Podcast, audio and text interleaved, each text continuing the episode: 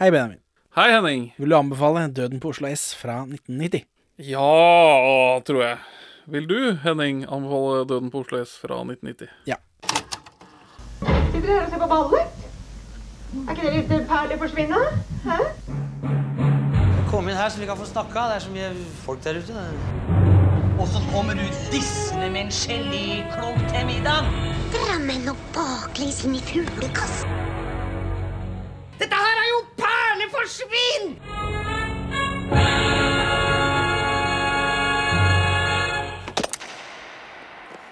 Velkommen til Perle for svin, podkasten for deg som dunker.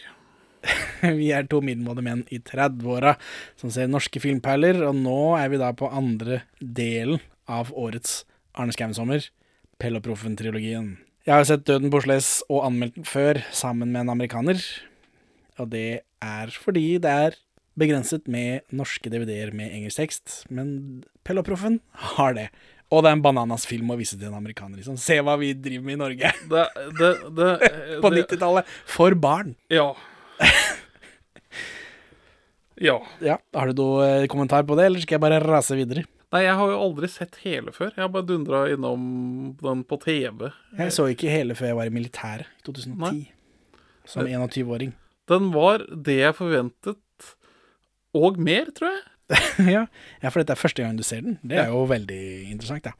Ja, for jeg, den var på velferden, tenkte jeg. Ja, ja, jeg må jo være her et år. Kan like godt se den. Og den har jo Da satt jeg der og så den på velferden, mens andre eh, jevngamle vernepliktige kom inn og Hva hva er det du driver med, Henning? Hva er du for en fyr? ja, Men det har vel du hørt hele livet, kanskje? Ja, kanskje. Det har jeg i hvert fall hørt hele livet. Men eh, bare sånn for å starte eh, Den beste Den mest ikoniske norske filmtittelen? Spørsmålstegn? 'Døden på Oslo S'. Altså, Sønner av Norge kjøper bil, den syns jeg er vrien, men Og Dr. Proktors prompepulver, det er litt toppen, topp to for meg. Oi, så på det. Nei, men 'Døden på Oslo S' det er, det er en så sterk tittel. Den, den slår seg veldig ut. Det er en veldig breakout-title. Det skal sies at jeg har ikke sett de to andre, så det gleder jeg meg til i Arne Skouen sommer. Ja, for, men det er en bokserie på 18 bøker. Det stemmer, jeg har hele lista her, jeg. Fordi Pelle og Proffen er jo prima remake-materiale. Ja, eh, jeg syns det er litt rart at det ikke er en NRK-serie allerede. Det kan jo være fordi det er helt nå, Vi har jo ikke sett de to andre, men det er jo helt, eh, dette her er jo helt sjuke greier. Du går ikke an Åssen skal du lage dette med moderne øyne, da? Ja, det, det får ikke jeg heller til å henge på greip. Altså, det, hvor- det- dette, Du dette må gjøre som de gjør her, bare ta sats. ja, Kjøre på. Drite i at det er idiotisk. Dette Oslo fins jo ikke lenger. Nei, det gjør du heller ikke, men det kan man jo på en måte transplantere, kanskje, da. Uten at jeg har bodd i Oslo på lenge. Det er så mye som er gentrifisert, mann. Ja, men noe kan man jo finne. Ja, ja Eller finne på. Så får heller de som bor i Oslo eh, si at det er teit på Twitter, da. Men det er jo disse, disse bøkene. Det begynner i 87. 'Kjempene faller', første boka, vet du hva den handler om? Alle disse bøkene har hvert sitt tema, det også er gøy. Ja, det er kjempegøy. Det handler om nazistorganisasjonen Norske kjemper. Og det, hvor- hvorfor starter man ikke der? Hvorfor hopper man over det og går til barneprostitusjon isteden? Ja, det, altså 1988, Død Bosleis. Ungdomsprostitusjon og stoffmisbruk i Oslo. Og så er det Giftige løgner, da, som vi kommer til om et par uker. Eh, miljøforurensende firmaer på Sørlandet. og så er det, i 1990 så er det Sannhet til salgs. Den religiøse sekten Livets lys. Interessant. Det er kjempegøy, det høres det ut som. Og så er det De blå ulvene, som også er filmatisert. Eh, Dyrevernsorganisasjonen, da. Og så er det i 92 så er det Flammer i snø, pyromani og homofobiske voldsmenn. Hva er dette? Og så er det mm, Etter orkanen, norske og asiatiske menneskesmuglere. Hæ? og i 1994 så er det Hevden fra himmelen. Faunakriminalitet i Nord-Norge. Den skjønner jeg at ikke de har hivet seg på. Og så er det Storbyens stemme, den kriminelle ungdomsgjengen Santos. Favoritten til forfatteren sjøl. Ja vel, jeg har ikke sett noe på det, annet enn den lista her er morsom. Altså den siste, 95, mordet på Aker Brygge, økonomisk kriminalitet i Oslo, ja vel. Men mye av dette er jo, ja, de må ta sats da, og kjøre på med liksom galskap. Jeg gikk så vidt inn på Wiki- Wikipedia, og det Ingvar Ambjørnsen sier sjøl, er at han fiksa ikke helt Hardy-guttene. De er så urealistiske barn. De er så sterile, og foreldrene deres er så flate og trygge. Og, al- al- altså, han, han ville skape ungdomskrim, men mer jorda i virkeligheten. Ja, nå blir det jo nødvendigvis en del overlapp med det vi sier i denne episoden, og det som allerede er sagt i den forrige døden på Oslo S-episoden vår da, men du har ikke hørt den. Nei. For du hører jo ikke på podcasten vår. Jeg gjør det tidvis, men jeg hater meg selv. Så det går ikke så bra for meg. Du å hater deg høre. selv, du kunne hørt den som hvor ikke du er med, da. Men eh, Ja, det er sant. Ja, men da var jeg så såret og avvist at du hadde tatt en sånn banger jeg hadde gleda meg til. Nå men sitter nå, har vi jeg, nå har jeg forklart det, da. Så nå har, jeg- da kan vi gjøre det igjen. Det er Den første filmen vi anmelder to ganger. Jeg anmelder to ganger. Så vi får se da om jeg har noe, noe nytt å tilføye. Det er skrevet av samme fyr som skriver Elling, så det er tydelig at han har en favorittforfatter. Elling er jo også skrevet av Ingvar Ambjørnsen. Hæ, han har en favorittforfatter. Hvem har en favorittforfatter? Denne personen som har skrevet denne filmen, han heter Aksel Helstenius. Å ja, sånn, ja. Jeg trodde Han det var- har en favorittforfatter, og det er Ingvar Ambjørnsen. For han har adaptert 'Døden på Oslo S' og 'Elling'. Han har også skrevet 'Farlig farvann' da, og 'Sale er de som tørster', så hvem vet. Og 'Absolutt blåmandag'. Og så er det regissert av Eva Isaksen, som er fra Mås og død. Fred være en spinne. Det er det jeg har om det. Så hvis du har noe mer på bakgrunnen, så Nei, det er DumDum Boys. To fra DumDum Boys på soundtracket. Ja, DumDum Boys er vel soundtracket? Eller er vel på soundtracket? Den Ja. låta og, og så videre. Ja, ja, men det er også to fyrer fra som gjør den generelle filmmusikken òg. Men ellers er det ganske kleint, og så og så føles det litt rart at de får så mye reklame i filmen. Hadde barn og unge faktisk DumDum Boys-plakater på rommet sitt? Jeg vet ikke, men det husker jeg vi snakka litt om, jeg og Emily, at dette med Det var ikke noe MTV. Dette var det nærmeste du kom musikkvideo. Å se en musikkvideo for ungdom, det var denne filmen. Det, du, det- går det ikke det på Det må være flipp, flapp sikksakk og, de greiene. og- Vet ikke. det, Jo, det går Det høres jo jo veldig kommersielt ut, da. Ble, Har DumDum Boys musikkvideo noensinne blitt vist på MTV? er vel et spørsmål vi stiller til våre nerdete lyttere. Det var det. Faren min døde for lenge siden, han var sjømann. Nei, det gjør ikke noe det, altså. Når jeg, øh, om Harald Eials karakter, Ja. Lena fra Døden på Oslo S. ja. Jeg syns ikke Lena er så gæli som jeg får inntrykk av at hun skal være fra måten han tolker henne i humorøyemed. Mine jevnaldrende så ikke meg. Lena så ikke alle de sprø tinga som skjedde med meg. Faen, Jeg husker fortsatt. Jeg var sånn 14 år. Begynte plutselig å blø fra underlivet mitt. Helt jævlig. Så ble jeg bra igjen. Ja, Det roa seg ned igjen plutselig. En måned. Men så begynte det igjen å blø. Akkurat like jævlig. Så ble det bedre igjen. Jeg ble glad som faen. Feira med å suge rektus. Men så kom det faen meg tilbake igjen, det blodet. Det var helt jævlig.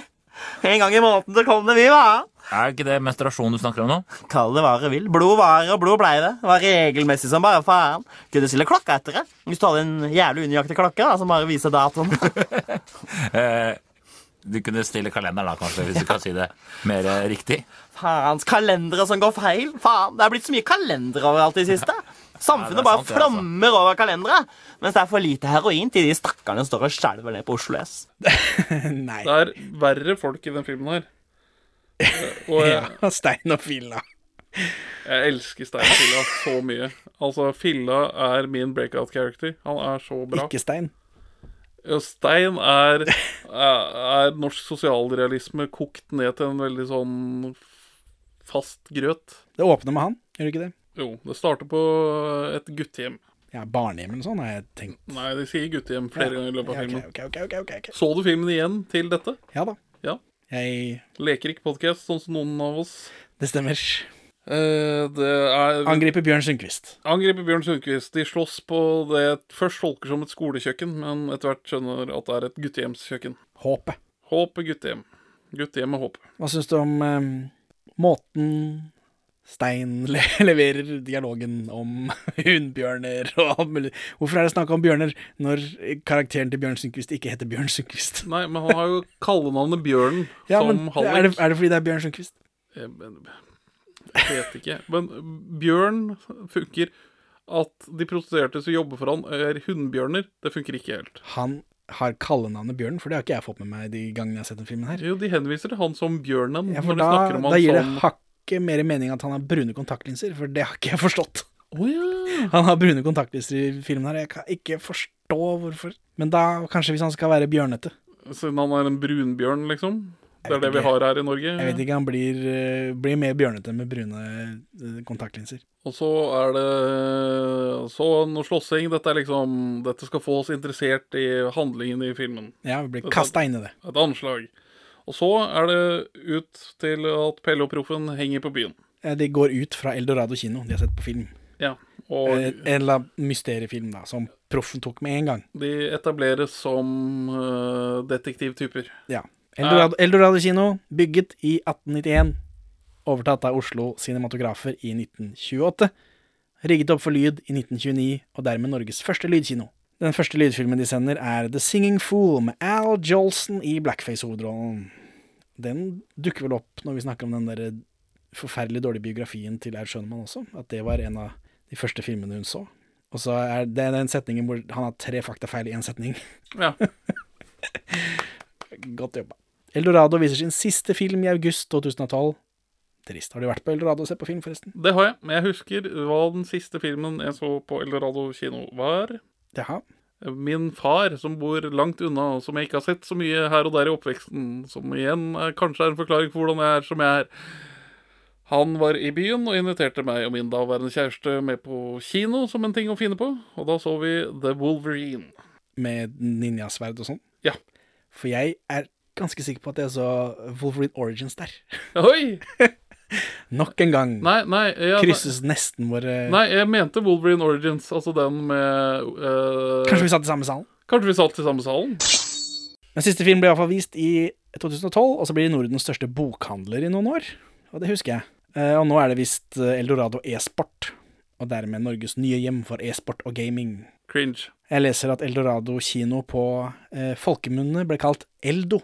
Jaggu. Dette har vi vært borti før, har vi ikke det? Colo og- og Eldo og de greiene der. Olo, Eldo, Sago Det er jo det jeg hadde på Eldorado kino. Skulle du si noe før jeg avbrøt deg med dette? Men Nei, eh, altså P- eh, Pelle og Proffen henger rundt på byen, og vi får, blir eh, kjent med filmens tredje karakter.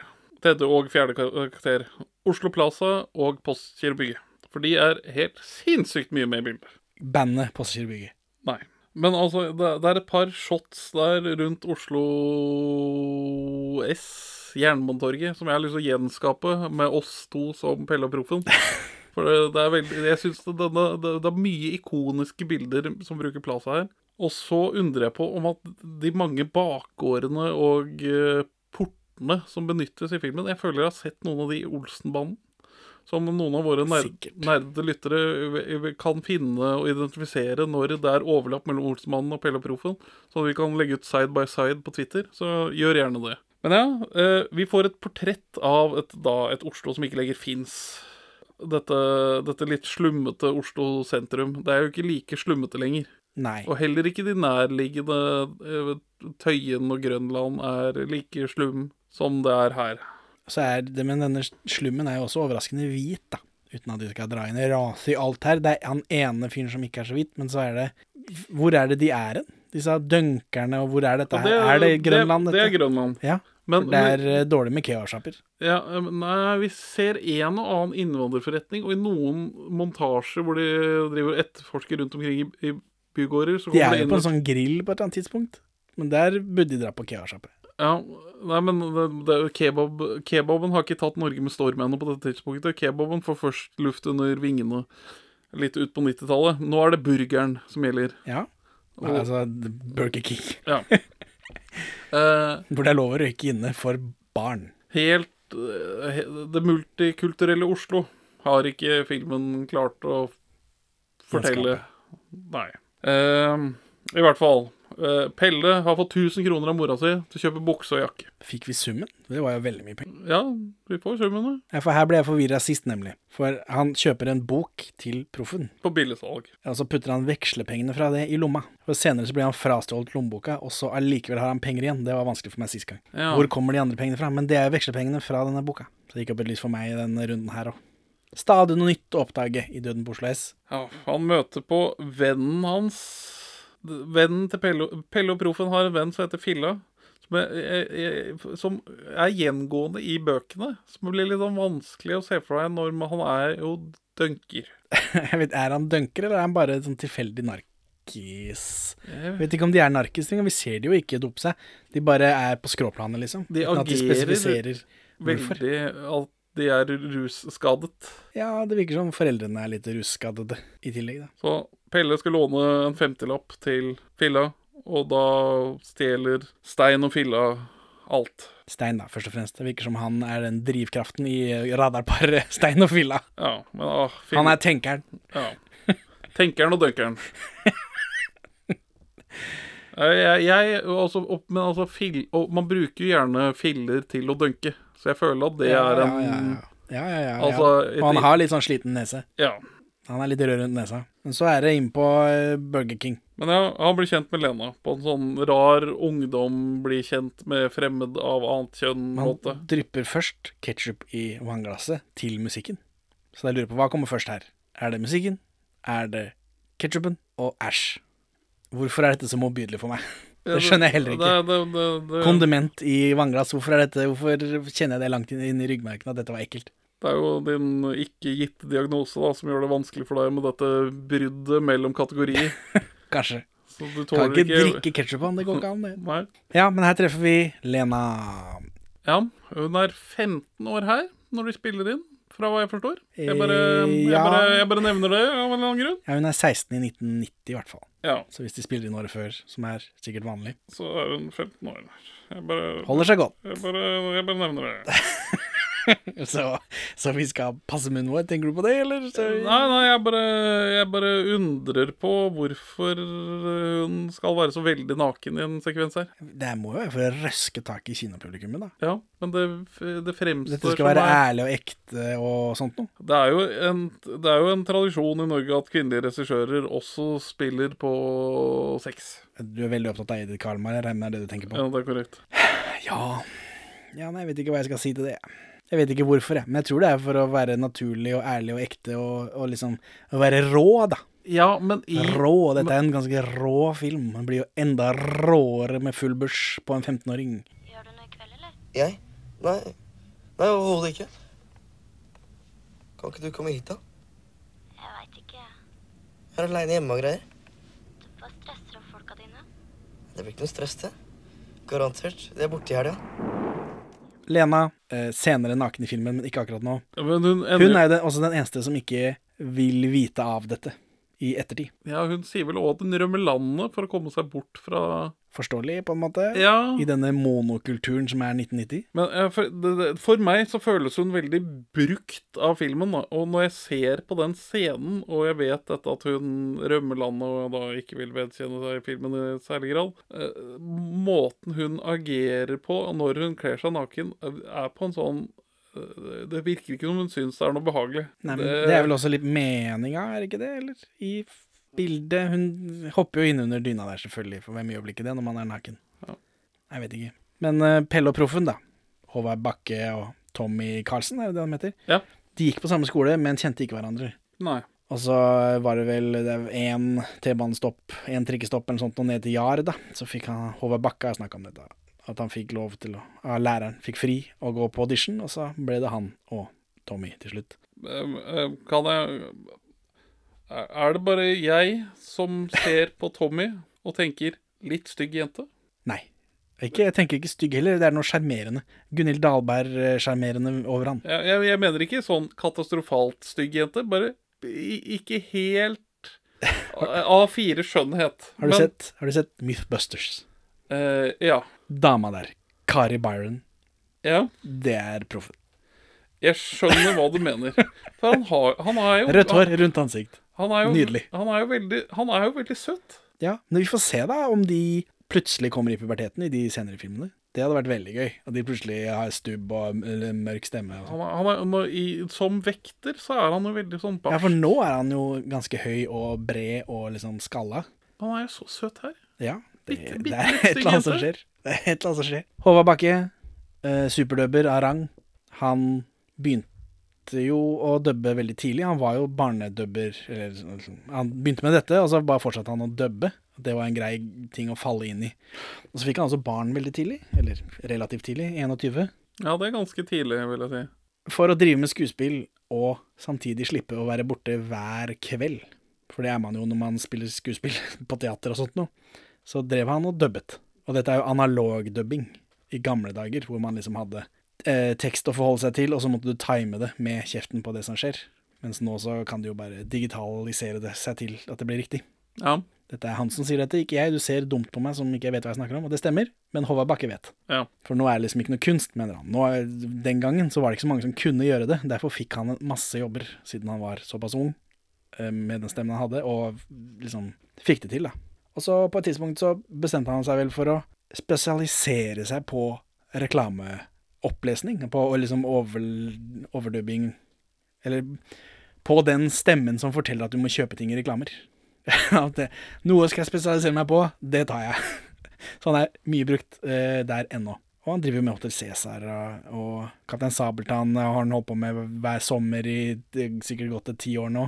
Og, og han er veldig klar over at hans fanbase, uansett hva han driver med, er mange folk med dansedrom. Og han setter stor pris på det. Ja, så bra. Så, og, men det virker som for, for du og jeg, vi har jo vanlige jobber. I hvert fall er jeg. Hei, hei, hei. Jeg er vanlig jobb, og Mens vår passion er podcast. Mens han vanlig, vanlig, vanlig jobben til Håvard Bakke er skuespill og dubbing, og han er med i Buddy, blant annet.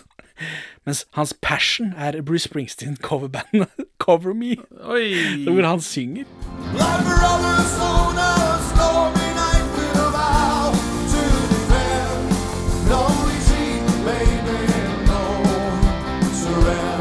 Og drar rundt i turnerer, liksom. Det er det, det er det han vil gjøre. Han vil være rockestjerne.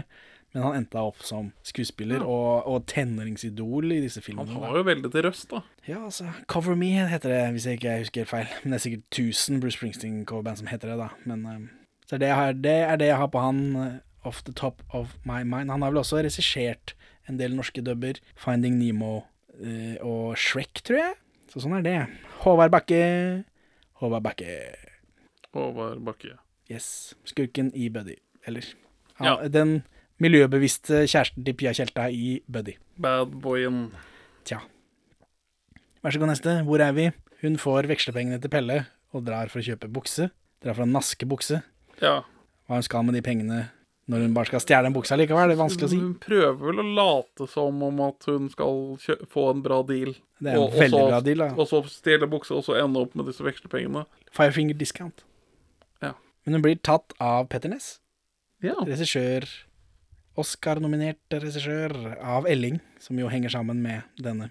Ja, det er en connection der, ja. Eh, oss, men så Og så får vi, vi får jo en sånn montasje av Oslo City. Ja, for Pelle kommer og redder henne. R- altså. Remember what they took from you. Altså, her har vi butikken CD-akademiet. Altså, tenk, tenk å få oppleve det, Henning. Og så har de en sånn jumbotron av noe slag. Altså en, en sånn CRT-TV-bank for å lage et sånt enormt bilde bestående av mange små CRT-skjermer. Dette, dette er et Oslo City jeg vil besøke. Ja, men det er borte for alltid. Det er vennene borte mine. for aldri, kommer aldri igjen. Eh, og, så, men så, og så kommer det noe sånn meningsløs Altså sånn Det er ikke noe logikk over båten Pelle får reddet henne ut fra sikkerhetsvaktenes klør. Nei, men det tror jeg er litt som eh, i forrige uke, da, denne med Arne Arnardo, når han driver og, og tar ting av folk. At det bare var denne distraksjonen var nok til å liksom få henne ut av deres klør. At noe skjedde, og så ble de liksom eh, forfjamset, eller hva det måtte være. Men ja, de tilbringer dagen på et Oslo S du vil tilbake til, og så forelsker de seg, antar jeg, på den Oslo måten. City, Oslo S er en annen Ja, ja, bygning, herregud. det er en bro imellom. Jeg beklager, jeg beklager. Det var ikke, ikke med vilje. Som dere ser, så er jeg en sterk mann, men jeg klarte ikke å få den opp. Pelle drar hjem. Ja. Eh, han får ikke nummeret til Lena fordi mora hennes sliter eh, med nerver.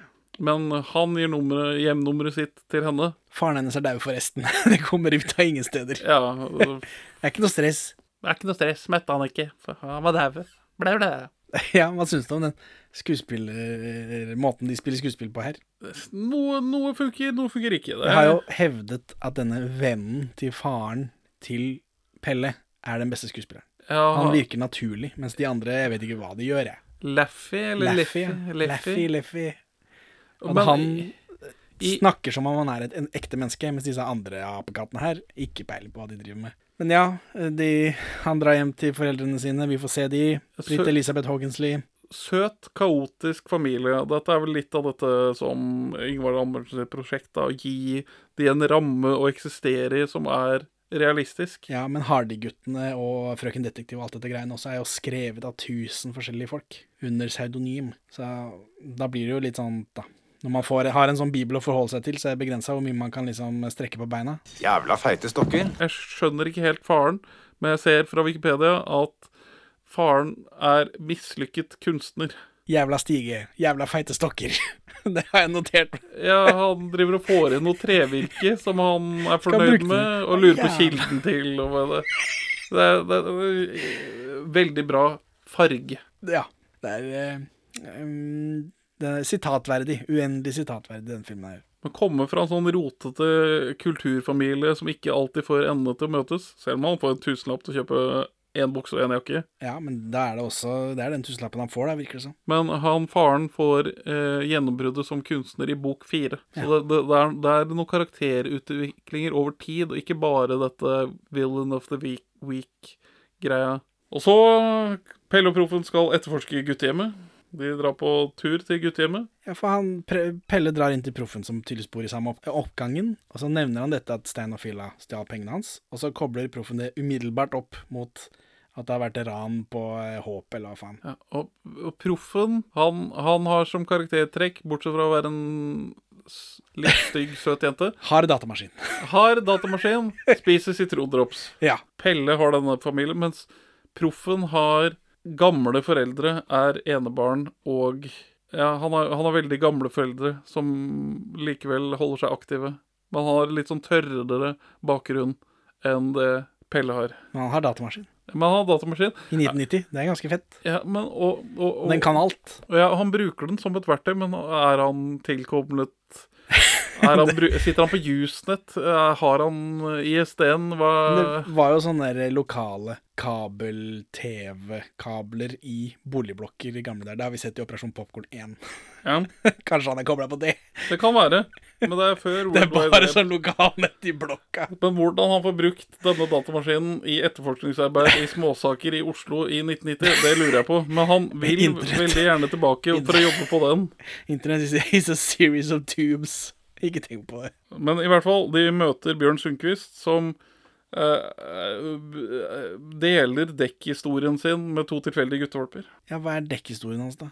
Nei, Han sier at han, han, han har dette, denne fortellingen om hva som har skjedd på Ja, guttehjemmet. stemmer, for det sto vel også i avisa, regner jeg med, for det var et avisutklipp her. Ja, Men mens han gjør det, så har han en assistent, og de driver med et kamera. Filmkamera. Som de st- kobler inn på en TV, og så, kan, så f- får vi se Pelle og Proffen i denne TV-en. Og dette kommer aldri tilbake. Han, assistenten dukker ikke opp igjen. Det føles ut som et plottpunkt som er liksom blitt borte. Det føles ut som om Bjørn Sundquist filmer si- eh, disse eh, dette er horegreiene, og så presser ut folk. Det føles ut som Stein gjør mot Bjørn Sundquist det Bjørn Sundquist gjør mot andre. Eh, Det føles ut som det hadde It's like poetry it rhymes. Det føles ut som det hadde rima, da, men, men dette er ikke noe. Det bare er med i den scenen her, og så kommer det aldri tilbake igjen. ja det, det, det burde jo komme en Døden på Oslo S extended edition. Ja, nå, Dette var jo bare noe jeg fant på, da, at det kunne de brukt dette Nei, til. nei. Men jeg forstår ikke hvorfor den detaljen er med. fra den generelle flyten i filmen så får jeg et inntrykk av at det finnes mye Dunn Porstes på klippegulvet. For det, den er rotete og rar. Det er, det er mer et sånn stemningsbilde. Ikke så mange Men- montasjer. Ikke så mange montasjer, men det er faen ikke helt montasjefritt heller. Nei, nei, nei, nei, nei. Men her brukes jo montasjer eh, ikke like flittig. Nei. Og så, etter å ha fått den storyen, og de tviler på det Det er et eller annet som er muffens med og han, og han forteller at han har blitt angrepet, og at han eh, vil ha guttene til å betale for seg sjøl, selv om han har også sympati med at de har det vanskelig, eh, og at han helst vil ha, ikke ha politiet innblandet. Så fint om dere to eller, får meg i kontakt. Han vil jo ha tak i Stein og Filla. Og rett etterpå, når de går derfra, så prøver Bjørn Sundquist å kjøre de ned. Jeg tror han bare er ute og kjører, jeg, og så er myke trafikanter ikke så viktig Ja, for det, er, han. det er som å det- Akkurat denne delen av Oslo lever beste velgående. Eh, og da bestemmer de seg for å- de noter, Begge noterer ned skiltnummeret. Ja. Som disse smådetektivene de er. Ja. Og så noterer de seg også at skjermen har en annen farge. Bakskjermen har en annen farge. Som om den skal lakkeres. Og dette her òg vanskelig for meg. Jeg Forstår ikke. Eller altså, de sier jo hva det er for noe, men, men hvorfor skulle de koble dette opp til et større komplott? Jeg skjønner ikke. Og så driver de og graver rundt huset til Bjørn Sundquist. Finner ut noe greier. De Ja, det, det er bare det samme en gang til, at den der lakken er ny. Men, men her går proffen inn til Bjørn Sundquist, og det får ikke vi se hva som skjer der inne. Og det skjer ingenting. Nei. In- Ikke verdens ting. Her, dette, her også føles det som det mangler noe. Men Ja. han sier jo etterpå at eh, nei, lærte ikke noe. Det føles jo som dette skulle vært en mer spennende scene, for nå får vi litt sånn eh, spenningsmusikk. eh, Han, eh, det Pelle driver og roter rundt ute, og så snubler han eller noe sånt. Nå, så skal det være spennende. Men det må være mye mer spennende at, at proffen er inne sammen med denne skurken. Da. Barnemorderen eller hva faen han er for noe. Han er jo ikke det, da. Men at han er, han er jo skurken. Ja. Han er der inne. Døra er lokka. Han er inne i skurkens hule. Vi får ikke se hva som skjer. Og så viser det at nei, det skjer ikke noe. Nei. Rart. De er på T-banen.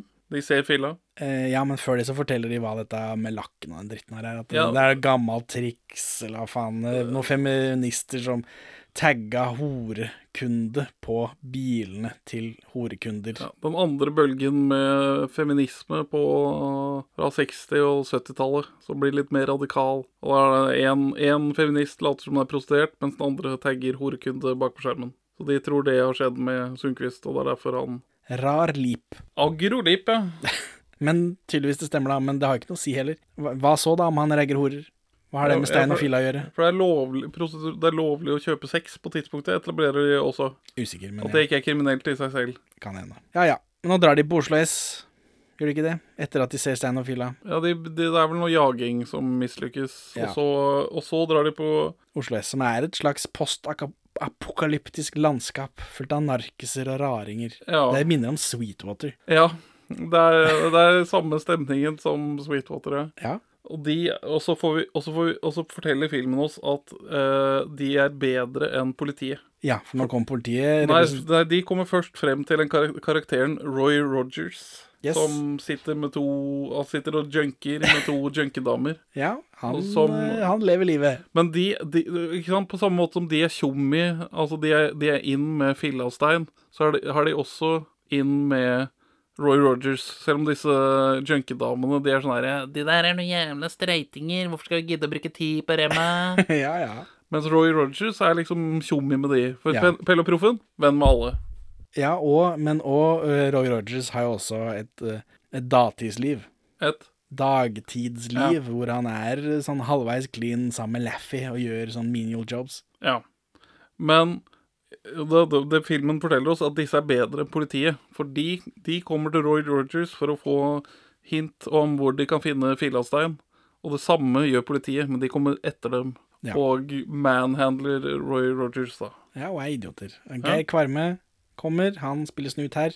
Veldig ro mer rumpehakete enn vanlig i denne Du rollen. syns det? Jeg syns det. Dette, dette er jo nok en Fredriksson Fabrikk-skuespiller, akkurat som Britt Elisabeth Hågensli, som spiller mor. Ja. Eh, De er ved skapene som er flyttet etter denne bombemannen som du elsker å snakke om, som er på 70-tallet, selv om du sier det er på 80-tallet. Ja. I februar i år så var Geir Kvarme med på et sånt spareprogram, og der kom det frem at han bruker 39 000 kroner i måneden på mat. Oi, det er snobbigt. Ja, men At han har muligheten til det, forklarer meg hvorfor han i tillegg til å være homofil og far til to av de første surrogatibarna i Norge, også er politiker for Høyre. Ja, Og Eh, ja. nå vararepresentant på Stortinget. Og så spiller han vel eh, postmann, eller hva faen, i Blåfjell. ja, Noe sånt. noe sånt. Som er viktig for folk. Eh, men ja, via Roy Rogers så får de vite om et dønkerreir ja. på Grønland, hvor de kanskje kan få finne han eller noe videre info. Denne gjenginndelingen av bunnen av samfunnet i Oslo er veldig sånn The Warriors-aktig. Ja. Dunkerne, junkerne Ja, vi får ikke se flere av de, da, men det føles som det er masse. At hele Oslo er delt opp i gjenger som er rundt omkring. Vi får se da i de neste filmene. Åssen er, det- åssen er, det- åssen er det med dunkerne? Det er Det, det ikke- står bra til hos Det dunkerne. er ikke så veldig hyggelig. Det er sånn, det er sånn eh, verste amerikansk eh, antinarkotikapropagandafremstilling av et crackhouse. Bare tett i tett med folk som sniffer lim og løsemidler. Ja, og har kniver og er truende. Det henger dokker etter halsen. Det er liksom ikke måte på. Men her finner de ikke ut så mye. Nei. Det var mislykket. Dette var, dette var sånn dunkersafari. Ja. Som ikke driver plottet videre. Nei, det, det er jo Kun for shock value. Ikke bare er det mislykket, det er jo mindre eller Det er jo verre enn mislykket. Proffen glemmer jo igjen dropsa sine. Han er jo på vei inn for å hente de igjen etter at han har blitt trua med kniv. Som etablerer jo da hvor viktig disse dropsene er for proffen. Ja, altså, for alle har jo ting vi er avhengig av, enten det er narkotika eller Brynhild syntron-drops. Du, Pelle. Hvordan ville Derek ha tenkt hvis han hadde hatt følgende sak? To gutter knuser et kjøkken, klabber en voksen, Som har horekundemerka bil. stjeler 1000 kroner av en kompis og stikker av til en eller annen Mr. X. Det er Gokken som er Mr. X, ikke sant? Nei, jeg tipper han Derek hadde tatt seg en tur ned til de dunkerne og banka noen facts ut av dem. jeg. Proffen har lagd pizza, som det er rester av. Hjemmelagd pizza, vet du. Her får vi også en musikkvideo, gjør vi ikke det? Jo. Før Lena ringer. Eller mens Lena ringer. Me- Lenas team går mens Lena ringer. Og proffen skjønner tegninga, han er god kamerat. Han sier 'takk for meg', jeg trenger ikke å være her når det kommer en deilig dame. Han hadde kasta han ut på flekken om han hadde opplevd det samme. Ja, så det er jo eh, Det er godt å ta det hintet, da. Ikke føle seg sjalu. Eh, Pelle er omsorgsfull, og når våte Lena kommer inn Er det lov å si om en 15-åring? Ja? Jeg tror ikke det. jeg tror ikke det Eh, Hun er sliten. Hun er sliten, ja. Så hun, det, han tapper henne et varmt bad. Ja, det er viktig å vaske dem. Ja, Og så fikser han pizza og brødskiver med syltetøy. Ja, og, og vin og sigg. Så, så det er Vinen ikke så classy, Pelle. Vinen er litt aggro, vil jeg Vi- si. Vin, sigg, pizza og brødskive. Det blir ikke bedre date enn det. Og så Og så, og så gir han en recap over hva de har opplevd så langt. Ja, men det kutter de ut, gjør de ikke det? Jo, jo, de vi fader får- bort fra det for at vi skal slippe å oppleve det en gang til. Og Det så, er bra. og så reagerer hun på bare sånn, Ja, det er, det er- det er her hvor jeg er i historien nå. Ja. Jaggu. Gokken eh, Ja, for de leter etter gokken. eh. da. Blir ikke, jeg blir ikke nedrent av folk som deg. Og folk som meg. Nei, jeg- Ålreite jenter som du går og preiker med. Og dette er vel noe jeg føler Harald Eia harpa på. Denne Harald Eia-karakteren dukker vel opp i den fjernkontrollepisoden av Ute i vår hage, eller hva det Ja. er for noe. Og så har han bare tatt med seg den videre, og så tror jeg den blir mer og mer tilskrudd basert på det han gjorde sist. P- Eh, p- Men altså, tastepriv er jo, er jo før Ute i vår hage. Nei, det er det ikke. Det er jo der de tester ut en del karakterer og figurer, men det er litt Fikser ikke Pelle. Hun, han, hun sier jo ikke det i filmen engang. Eh, Jo, hun gjør Hun det. sier, hun sier 'fikser ikke', men ikke 'fikser ikke Pelle'. Nei, ok, ok. Det lærte jeg da jeg prøvde å finne det klippet forrige gang. Skjønner. Da skal jeg ikke Jeg er Men så ja, jævlig- jeg er så jævlig nå- trøtt, jeg, Pelle. Vi må gå og legge oss, og så kler Nå hun er det seg- den scenen. Helt. Fortell meg nå i detalj om Lenas yppige bryster. 15 år yppige bryster. Hun er jo et veldig veldreigt barn. altså Det, det Quote Benjamin, altså.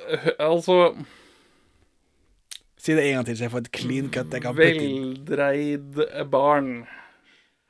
Nei, altså, jeg syns Eva Isaksen er eh, forferdelig kynisk når hun bruker Lenas barnekropp på dette viset. Og gir oss både tits and bush i et stakket sekund. Og så slenger hun seg ned i senga. Og Håvard Bakke blir sittende stille. Han er bare sånn Altså Han er sjokkert. Altså, som seksuelt aktiv 15-åring selv eh, så, Altså, det, ta- det tar jo ikke så mye tid før flagget går til topps i en slik situasjon. Og sånn, ja. Eh, Jeg vet ikke hvor eh, sexy en sånn filmsett kan være. Nei, det er sant. det er sant. Eh, men Håvard Bakke har hevdet at det ikke er første gangen han ser en eh, naken kvinne i gåstein. Nei, det skjønner jeg, jo, han fikk jo barn som 21-åring, så han har vel holdt på en stund, da. Ja, han er jo veldig kjekk, har jeg hørt. Han, Ja. har jo, han er jo høy, mørk og kjekk. Han er en Mye hår på hodet, altså. Ikke Ja. resten av kroppen, for det får vi får se en del av den også. Ikke hele. Det reagerte min eh, amerikanske venninne på. Her er det altså full bush og pupp. Hun holdt på å dette av stolen, forresten, når jeg sa det var tiårsgrense på denne filmen. Eh, men- og så reagerer hun på denne bleikfeite, eller altså bleikfis-trusa han eh, Håvard Bakke går rundt med, og syns at han burde liksom gi litt mer. ja, Altså, den la ikke så mye igjen til fantasien, den trusa. da. Nei, men, mm, mindre på Lena. Lena, der er det ikke noe til fantasien. Mens eh, så der, var det, sn- og der var det snakk om at vi ville se hans hårløse guttekropp. Men ja. Men ja, Dette er scenen. Eh, jeg syns det er helt greit. Eh, Jeg føler at det liksom rimer med det filmen vil vise i dette øyeblikket, men, eh, men så vet jeg ikke hva, hva er det tikker bak det på ordentlig, da. Hvis ikke hvis man, når man er metadiskusjonen, når man er ute av filmen.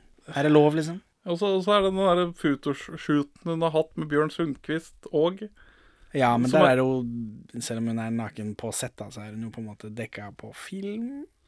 ja, Hvem men vil vel ikke være naken med Bjørn Sundquist det er eh, bedre å, som være, 15-åring? bedre å være naken med en jevnaldrende enn med Bjørn Sundquist, føler jeg. Jeg, fø- jeg, jeg, fø- jeg føler øh, filmen utnytter kroppen til Lena på en måte som ikke er greit. Men der utnytter de kroppen til Bjørn Sundquist også, det må være lov. Ja, Bjørn Sundquist er mer samtykkekompetent enn Lena, sin skuespillerinne. Men ja, hun vil bare ligge helt inntil han. Ærlig sak. Vi har alle vært der. Eh, han våkner, Lena er borte. Han leser brev fra Lena. Hun har noen tips om hvor eh, stein og fila kan være. Ja, for de har fått et, et, et tipset til eh, Roy Rogers var vel at eh, et eller annet med Gokken. Ja, det er ikke sånn superviktig, men Det ja, kan være Gokken Per- er en fyr. Per Gokkestad. Og så går de til Laffy. Hvem er Per Gokkestad? Jo, han bor der. Da har de ordna det. Og så går de fra dør til dør og leser, leter etter Per Gokkestad på ringeklokka. Har, har de ikke telefonkatalogien? Jo, for den har de brukt tidligere, når de fant eh, adressa til Bjørn Sundquist. Har ikke Det spørs om disse narkisene står i telefonkassa. Det gjorde vel alle? Ja, de var var ganske, tvang. eh, ganske brede, disse Men de finner iallfall stein og filla, da. I det minste. Og her får vi vite Først nå begynner Dette er jo plottet, Ja. eller? For det, er- alt nå har vært oppbygning og mysterie. Og så kicker vel ikke inn før nå? At det liksom, for nå Stein skal presse ut Bjørn Sundquist, da. De skal ta bilder. 100 000 store summer. Eh, det, ja, hundbjørn, Preika med bjørn. hundbjørner, binner De må ikke bare voksne, disse hundbjørna. Nina, søstera mi, er, er ei av jentene som de, er, de svina fleska seg med. Ja. det går ikke an å imitere det. Det, det, det er for bra, altså. Det, og, og Filla, men Filla driver og snakker opp Pelle og Proffen. Stein er dritforbanna for at jeg er der og har funnet dem og sånt, Ja, men ja. Filla er bare Det der er faen meg ålreit, De altså. hjalp meg en gang, og det er tydelig at han har ja, Som du sier, at han har vært med i de andre bøkene. Så noe frem og tilbake øh, det, det, det, noe- noe bi- de- Noen bilder de hadde, og så De skal ta bilder, de har ikke tatt disse bildene. Nei. Pelle sover i timen, drømmer om Lena. Han har en psykopatlærerinne som skal drite han ut foran klassen. Pelle istedenfor å bare own up til at han eh, har lyst til å ligge med noen som heter Lena, så sier han at han drømte om tanta si, Lena. Og som er bare mye verre. humor eh, for barn, antar jeg. Det er jo en barnefilm, dette, tross alt. Nok et Plaza-klipp. Par, de går, eh, han går over brua, leter etter Lena, finner ikke Lena. Han ser et par som kysser. Det er eh, litt eh, utviklingsutfordret bildespråk her, men det får gå. Ja, men det er i hvert fall ikke montasje. Ser Lena gå inn i en bil. Bilen vrenger inn i parkeringshuset. Kjører helt til toppen mens han løper i trappa. Han, han blir slengt rundt av de to karene som har plukka opp prostituerte i bilen. Ja, det, ja, det gir ikke helt med. Det føltes ut som de var venn, at dette var skråplanvennene til Lena. For nå er hun rusa. Og, og, og så øh, ber, sier de meg gi faen i den lille idioten der. Og. Nei, du, gi faen i han lille idioten der. ja. Men det er jo helt klart Lena som prøver å beskytte Pelle. Det skjønner alle som ser på, men Pelle tar det og, vondt ment. Han må få erfaringsrike øh, Laffy, Leffy til å Fortelle hva som skjer. Og Leffy, hva ville du gjort om dama di begynte på heroin? Da hadde jeg banka òg. Jeg Eh, pleier ikke å slå damer, men har slått henne i halvt hjel, skikkelig bank, det, det, det. Og Leffy har tidligere vært heroinist i seks år, og brukt seks år på å komme av det. Men det er vel kanskje en pågående prosess, så det kan være at han snakker fortsatt om nåtid på den siste der. Kanskje. Og sosialrealistisk, jordnær familie som er sånn Ja, det, det er slitsomt at dama di er heroinist, Pelle, men vi får vel faen stå i det, da, mens faren, faren, faren De tilbyr, han også, de tilbyr Pelle en øl på et tidspunkt, og så sier han nei, og så klager de på at han er så streit. så jeg vet ikke hva dette er for noen foreldre. De er jo veldig, Nå har jo hun jobba på sånn krisesenter, mora, da, så de er jo veldig chill når Ja. Lena først kommer og er eh, barneprostituert, eh, heroinist og har hatt eh, en vanskelig reise i livet. Og nå har Stein og Filla fått tatt noen bilder, så da skal de ringe til eh, bjørnen og utpresse han. Og da får vi en sånn rar sånn eh, hvor Og der er han assistenten igjen! For nå ber jo Bjørn Sundquist han om å sette på rekorderen. Og så sier han det rett ut først, og så sier han det på en kjemperar måte etterpå. Eh, Sitt på rekorderen! Hva, hva, hva Ja, hvorfor det? Hva bruker de det opptaket til? Jeg vet ikke. Nei, ikke noe. Det, er bare- hva, hva skal de bruke det til? Hva, hvilken nytte kan det ha? Jeg vet ikke. Det er, er- virker som et plott som er blitt borte. Ja. Sitt på rekorderen! Sett på rekorderen. Sett på rekorderen. Men ja, det er noe hundbinder og noe bjørner og noe greier. Så ringer de til Pelle og Proffen for å si at de har gjort det, og da kommer Pelle og Proffen for å se på varene. For de, Ja. er, de er på etterforskningskjøret eh, fordi de er stressa for at de skal utpresse og havne i fengsel sjøl og bla, bla, bla, bla, bla. Hypp på noe porno, eller? Skal vise frem porno. Ja, for, men dette er jo 1990. Porno er noe av det viktigste en ungdom kan ha, en, i hvert fall blant gutter.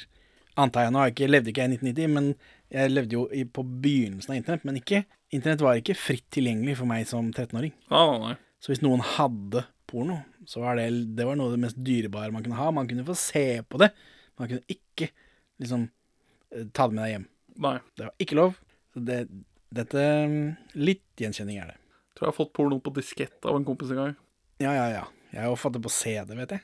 jeg Ja, har sikkert ja. fått det på diskett også. Men ja. Det var liksom men, men det var litt senere igjen, da. Men det var én Han ene datanerden i klassen, han hadde klart å printe ut et pornobilde. ikke sant? Sånt nå. Sånn holdt vi på i gamle dager. Ungdommen i dag veit ikke hvor lett de har det. Nei, det, det Herregud. skal være snickersjournalist. Ja, vet ikke. eller- Men, men pornoen vi får servert her, er eh, Altså, de bildene her, hvis noen har de, så vil jeg gjerne ha de på veggen her. Ja, det hadde gjort seg. eh, Caven her med problematisk eh, nakenhet med Bjørn Sundquist og Lena. Ja, men da er det kunst. Det er lov. Det er sant. I hvert fall Pelle får se det. Se Lena, klikker i vinkel. Det stemmer. Friker ut, løper av gårde. Frikeløper. Så nå skal Pelle og Proffen Nå må de ta Sundquist. Eh, Vi må ha en plan, sier proffen. Ja. Egon Olsen og så videre. Men eh, det, det, prioritet to, ta Sundquist. Prioritet én, ta bildene så Stein og Filla ikke kommer i fengsel. Ja. For utpressing. Ja. Det er det som er tanken. Ja. Hvor, hvor mange ja, ja, 14-åringer setter i fengsel? 15-åringer setter i fengsel? Problematiske vet ikke helt. Markis eh, 14-15-åringer. Noe blir det jo. Eh, Så det er nå greia, da. Og da De ser vel søstera til Er det Stein eller Filla? En av dem. Eh, Stein. Ta overdose og dø? På Oslo i, S. ja, for vi har- vi har Det tidligere er hun sett- som er døden. Det er hun som ja, Det er hun får som er døden. døden. Det er på hun som er Oslo S. døden på Oslo S. Det er ikke tilknyttet Det er ikke direkte tilknyttet bi- eh, mørderen Bjørn Sundquist. Nei. Han driver og betaler for rusbruken hennes, men det er ikke han som dreper henne. Nei. Den heter jo ikke 'Drept på Oslo S' for øvrig, den heter 'Døden på Oslo S'. det er sant. Og det er jo en veldig Var vel på tidspunktet en vanlig måte å dø på. Plata er jo fortsatt, var vel da fortsatt tilholdsstedet. Ja, det er jo eller, rett utenfor Oslo S, da. Men ja. Men altså, man Dette er jo går- inne. Dette er jo inne i stasjonen. Dette. Ja, man går jo inn og låner toalettet som junkier. Jeg mistenker at akkurat Oslo S så hadde de litt kontroll på hvem som gikk inn på toaletter eller ikke, siden det var 1000 narkiser på utsida. Men så de planen blir da å bruke dødsfallet de har sett skje, til å late som at hun har havna på legevakta. Ja. Og Som det, da det er- liker de ikke. Som er da at bokstavelig talt to-tre kvartal, kvartaler unna hvor vi har sett at de bor. Så det at de står og de står og venter og ser de gå forbi. Og ikke frikeløper, bare gå litt sånn krapt. Og da får vi et klipp, klipp av Pelle som ser seg over sk øh, skuffen på eh, arbeidsklærbutikken Pelly. Han ser seg over skulderen, ja. Sånn. Han ser Så seg hadde over skulderen. skuffen. Han ser seg over skulderen. Pelle og Pelli. Pelle ser på skiltet Pelly. Det, det syns jeg var morsomt. Jeg vet ikke. Nei, det Jeg la ikke merke til det. Så de, går- for proffen stjal nøklene, eller ett sett med nøkler, når de var på besøk der sist. Så de kommer seg inn og får- stjeler bildene. Så Og, det, det, er, det er punkt én. Da er det løst. og nå er det å finne Lena. Yes. Og nå de Hvorfor, hvorfor, hvorfor skal de finne Lena? Fordi han elsker Lena eller noe sånt. Da. Ja, men Antar jeg. planen er stjele bildene, finne Lena. Ja, for de antar vel De har, kanskje ikke, de har ikke noen plan mot Bjørn Sundquist. Nei. Nei, nei, nei. nei. nei. De, de, de, de, eller altså planen er å f ta en taxi med, Norge, med Oslos eneste asiater, som s- også kan karate. Ah, ah, ah. Har du ikke gjort research på han? Jeg vet hvem dette er. Du vet hvem dette er? Det er Som- ikke, det er ikke karate. Som førstedagens eh, svart beltemester i taekwondo. Så veit jeg Mannen- hvem dette er. Mannen Ja, for du, dette er, du som kampsportfyr, er, jo- dette er jo din herre og mester. Vet ikke, jeg har aldri sett den. Nei, men Vi soknet til en annen eh, master i Ah, min klubb. skjønner. Men det er samme forbundet. Ja. Det er For dette to, er- forskjellige, to forskjellige typer taekwondo i Norge. Men Kampsport, altså. Så Vi jævlig vet kjedelig. Så jævlig kjedelig. dette er Eh, VTF, det stemmer. Det er samme som jeg har gått. ja, men, og dette er mannen som brakte taekwondo til Norge, så jeg. Ja, det står det på Wikipedia. Ja. Så er det sikkert flere eldre asiater i Norge som vil hevde det samme. Koreanere i Norge som vil hevde det samme. Dette er en vietnameser, da. Så hvem vet. Men ja, de skal finne Lena. Ja. De leter så de henne har opp, ikke da. noen plan for eh, plottet. Altså, Pelle og Proffen Jeg vet ikke om det er tar ut uh, barnehalliken Bjørnen. Jeg vet ikke om det er så viktig for dem. Jeg tror det er viktigere for de å, å berge Lena enn å ta ut barnehalliken Bjørnsenquist. Kanskje. De leter etter natta. Det er noe, her er det noe burgergreier.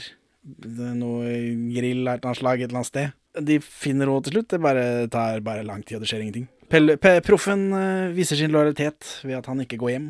Han skal også være med ut og lete. Hvis Pelle stakkars må lete hele natta, så skal Proffen være med òg. Og så finner hun til slutt. Hun Og ideen blir dratt inn i en bil, selvsagt. Dun, dun, dun. Og da praier de bare en taxi, for det kan man gjøre som barn i Oslo. Proffen, eh, proffen eh, som løsningsmann praier en taxi. Og bare jag etter han, og taxisjåføren er bare sånn OK, le leker vi med, med Vice? Vel, eh, litt dårlig ADR på dialogen til taxisjåføren. Så jeg, jeg sitter og er redd for at det er en øh, en hvit, hvit, hvit mann i studio som agerer en asiatisk parodi. Det kan jo hende. Eh, Vanskelig å si. Så får vi en saktegående biljakt om natta i Oslo sentrum. Vill biljakt har jeg skrevet. Saktegående biljakt.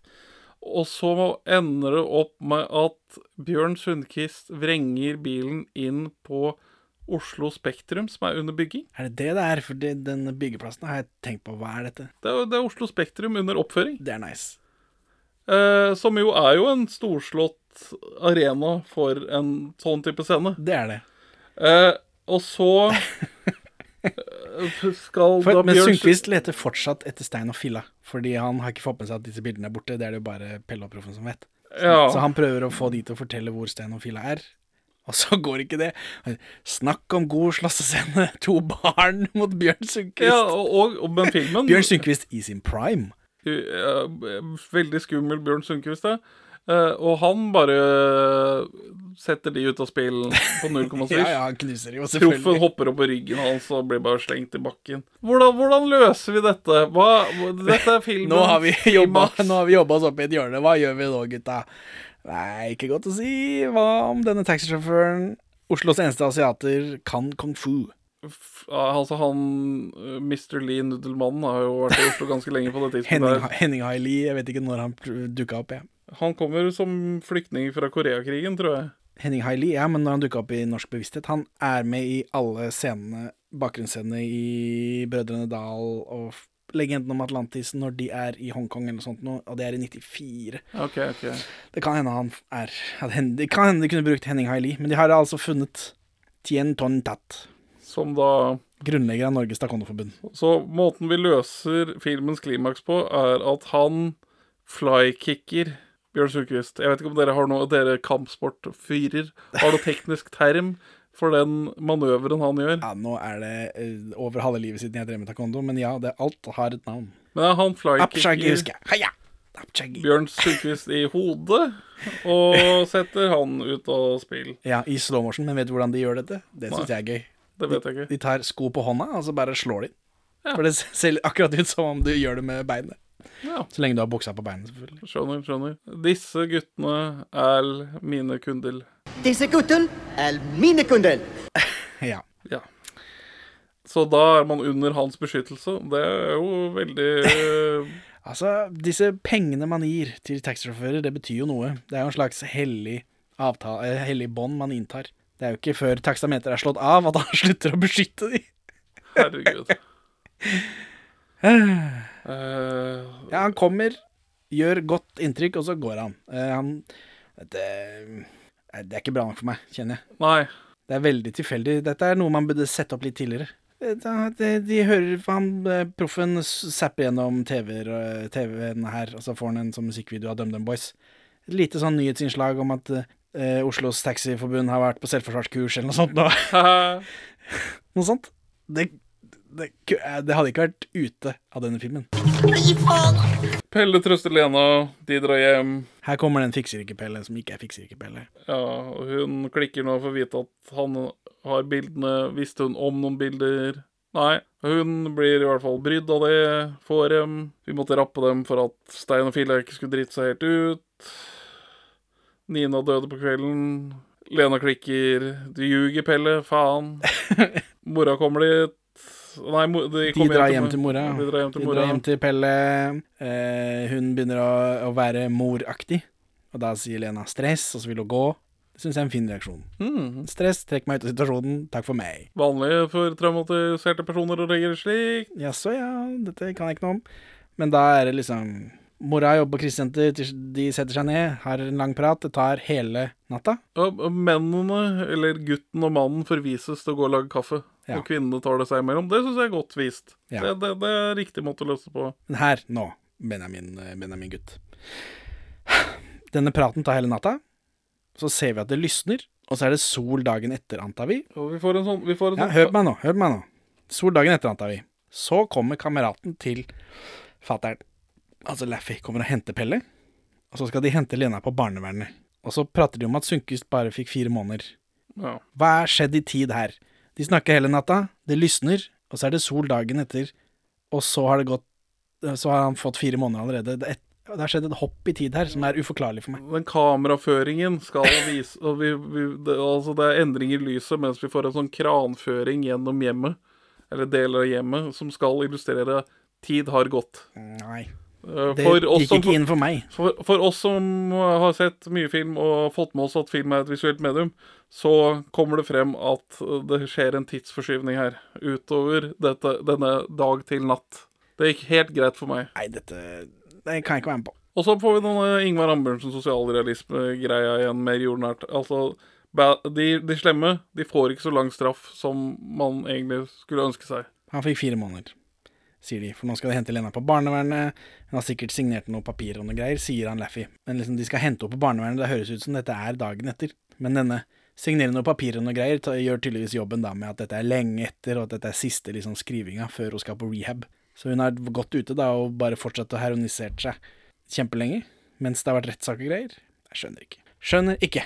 Så kjører lastebilen inn i en gul himmel, og så er det kveld igjen. Eller? Ja, og så får vi en, Så kommer det en sånn gul kjempeklein, sirkel. Ja, og kjempeklein digital effekt eh, av sol og Ja, Når han kjører inn der, sånn Hva er det de har gjort for noe med himmelen her? Hva er det de driver med? Å ja. Og så skal de ha denne gule sirkelen, da. Men Det Altså- syns jeg var veldig godt at det er noe rart. Og så får vi sluttspørsmålstegn i sånn ett og et halvt sekund med dårlig digital impost-tekst, og så er det over. Eh, og verdt å nevne mye pene bilder. Lite sammenhengende fortelling. Mange flotte stemningsscener rundt å være ung detektiv i Oslo. Ja, men har du noen tanker om at dette er en barnefilm? Ungdomsfilm? Det er ti års aldersgrense. Eh, jeg, jeg samtykker til at dette er en ungdomsfilm. Men, den, er- men den, er litt, den har litt mer krutt enn man forbinder med barnefilm. Alt trenger ikke å være eh, det- Altså, barn Barnedetektiver er jo en sjanger. Olsmann jr. av en eller annen grunn er barnedetektiver. Olsmann jr. og heroinmysteriet. Det, er liksom, det henger, henger ikke på greip. Nei, men dette Barn tåler mer enn vi skal ha det til. Og dette, dette har mer, dette har spenning. Altså, dette, dette er bedre enn Olsmann jr. Ja, han er Olsmann jr. for litt yngre barn igjen, tror jeg. Eh, Men klart, en tiåring kan sikkert se på Olsmann jr. og like det. Ja, litt i, rett i grenseland, kanskje. Ja. Så Benjamin, hvorfor vil du anbefale Døden på Oslo S fra 1990? Nei, den er jo rotete og usammenhengende som den tenderer mot å være, og ja, dramaturgien er ikke helt på plass. Så den jobber videre og fremover, og den har et driv likevel, som flykickes til en rar avslutning. Eh, nei, nei, det, nei dette, dette er noe. Dette, Eller tar du catchphrasen min nå? Dette er noe. dette er noe. Det er liksom det minst beskrivende det går an å gjøre, samtidig som det beskriver noe. Nei, det, og mm, pene, morsomme bilder og Nei. nei og d- den viser et Oslo jeg skulle ønske jeg kunne besøke. Ja, ja, det, eh, mitt ungdoms-Oslo er jo da typ 2004 til 2006. Altså midt imellom nå og da.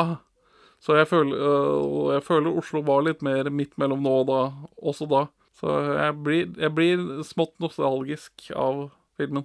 Så Henning, hvorfor vil du anbefaler denne? Det er jo en klassiker. En cringe-klassiker, vil jeg påstå. Ja, At den er cringe? Ja. Herregud, sånn som de prater, preiker og Jeg er fra Østfold og blir klein på deres vegne. Eh, Men det er gøy at den går så satans hardt ut. Det er heroin, horer, barnedetektiver. Det Ah. er, det er jo morsomt at det eksisterer. Eh, Ja, jeg har ikke noe bedre forklaring enn det. Jeg har jo ikke vokst opp med dette, så jeg forstår jo at folk som ser dette i ungdommen, at det setter merke i de. Men, eh, men som voksen ser av dette, så syns jeg det er gøy at den er så utrolig rar. Og jeg er veldig spent på Disse oppfølgerne kan jo ikke Vi husker det jo ikke så godt, antar jeg. Eller vi får se da, når vi kommer til det, om det er, om det er ting i språket der som også sitter s- som i denne. Men de kan jo ikke matche. De kan jo ikke gå like Nei. hardt ut.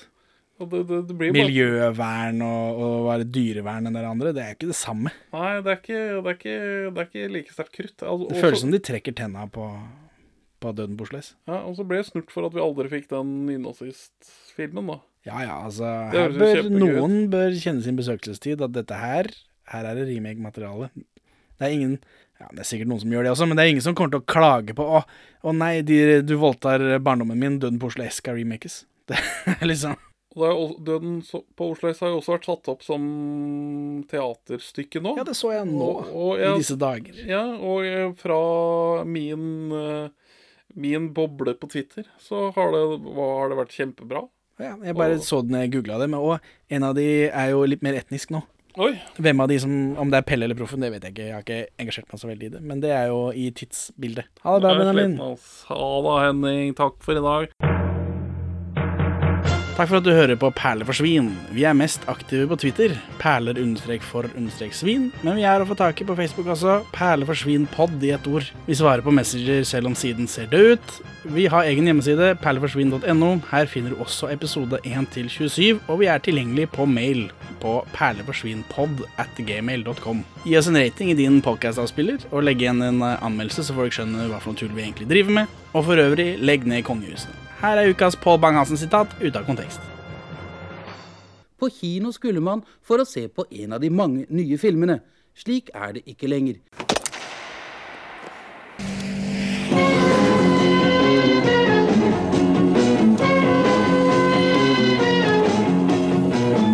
Men altså, i storyen her så er det jo ikke bra. Da er det overgrepsmateriale, mens på ordentlig så er det kunst.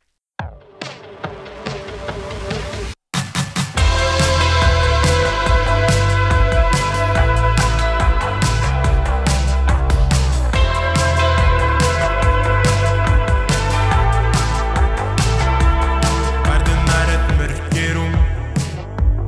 Gata er en åpen kum. Nattens regn er byens kalde tegn, og gjør meg redd og tom. Er alt fremkalt nå? Bildene presser på. Som i feber, smertens strøm. Uskarp og rask og rå.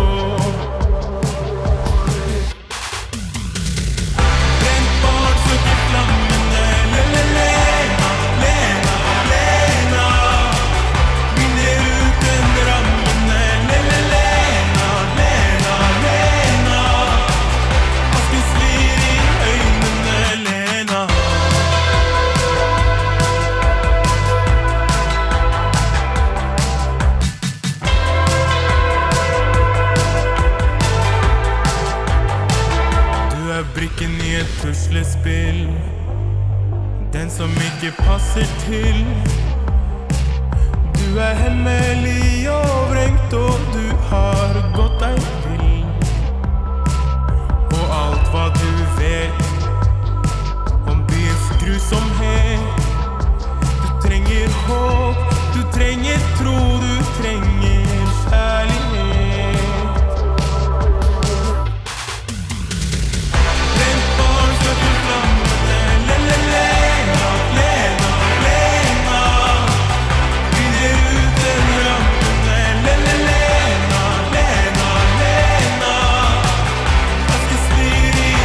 Lena, Lena, Lena.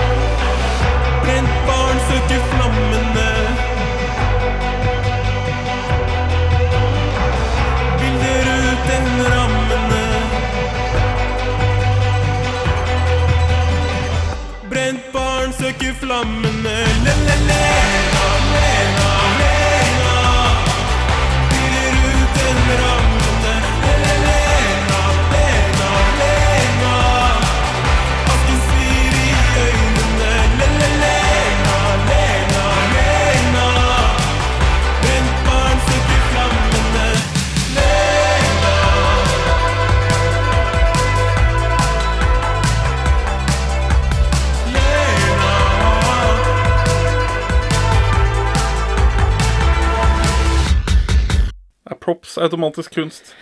Eh, Nei, men når det er svart-hvitt-bilder av Bjørn Sundquist, så er det